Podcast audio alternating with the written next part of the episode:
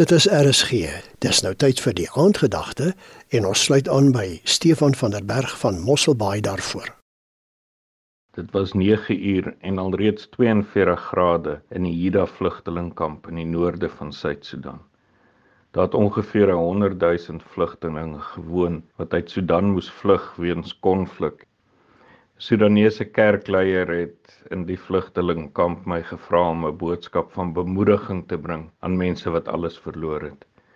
My tog het baie vroeg per voet begin en die kerkleier het gevra dat ons vroeg gaan moet wees ten minste 'n uur voor die tyd en 'n so halfuur se loop na hom toe.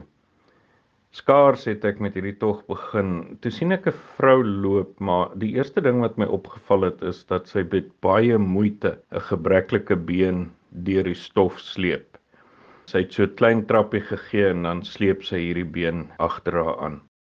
Ek het verby haar geloop, haar vriendelik gegroet en sy het vir my geglimlag en net so vriendelik teruggegroet.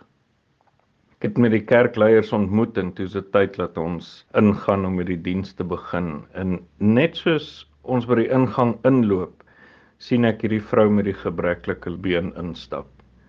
Sy het nie plek opgeneem op een van die bankies nie, maar dadelik vorentoe geloop en die gemeentetjie begin lei in voorsang. Geen instrumente om haar stem te dra nie. Daardie oggend het ek iets baie kosbaar geleer oor die hart van lofprysing. Romeine 12 vers 1 sê: "Gee julleself aan God as lewende en heilige offers wat vir hom aanneemlik is." Die liede wat een ek voor 'n diens sing, is slegs een aspek van lofprysing. Die opgee van self, die offer van my eie reputasie, my belangrikheid, my emosies, my gemak. Dit skep 'n offer van lofprysing wat vir God aanneemlik is. Maar soos met enige lewenswaarheid wat die Here ons leer, is daar 'n teoretiese gedeelte en dan volg die praktiese. Na die diens het die kerkleier ons genooi vir 'n ete by sy huis. Ek het in die stad groot geword en die paar kere wat ek met afval gekonfronteer was, kon ek dit op 'n baie diplomatisiese manier myself uit die situasie uitkry. Hier het ons gesit by hierdie kerkleier se karige plekkie daar in die hitte van Suid-Sudan. En sy vrou het gekom met die ete wat bestaan het uit 'n lang sous met so 'n paar stukkies hoenderafval in.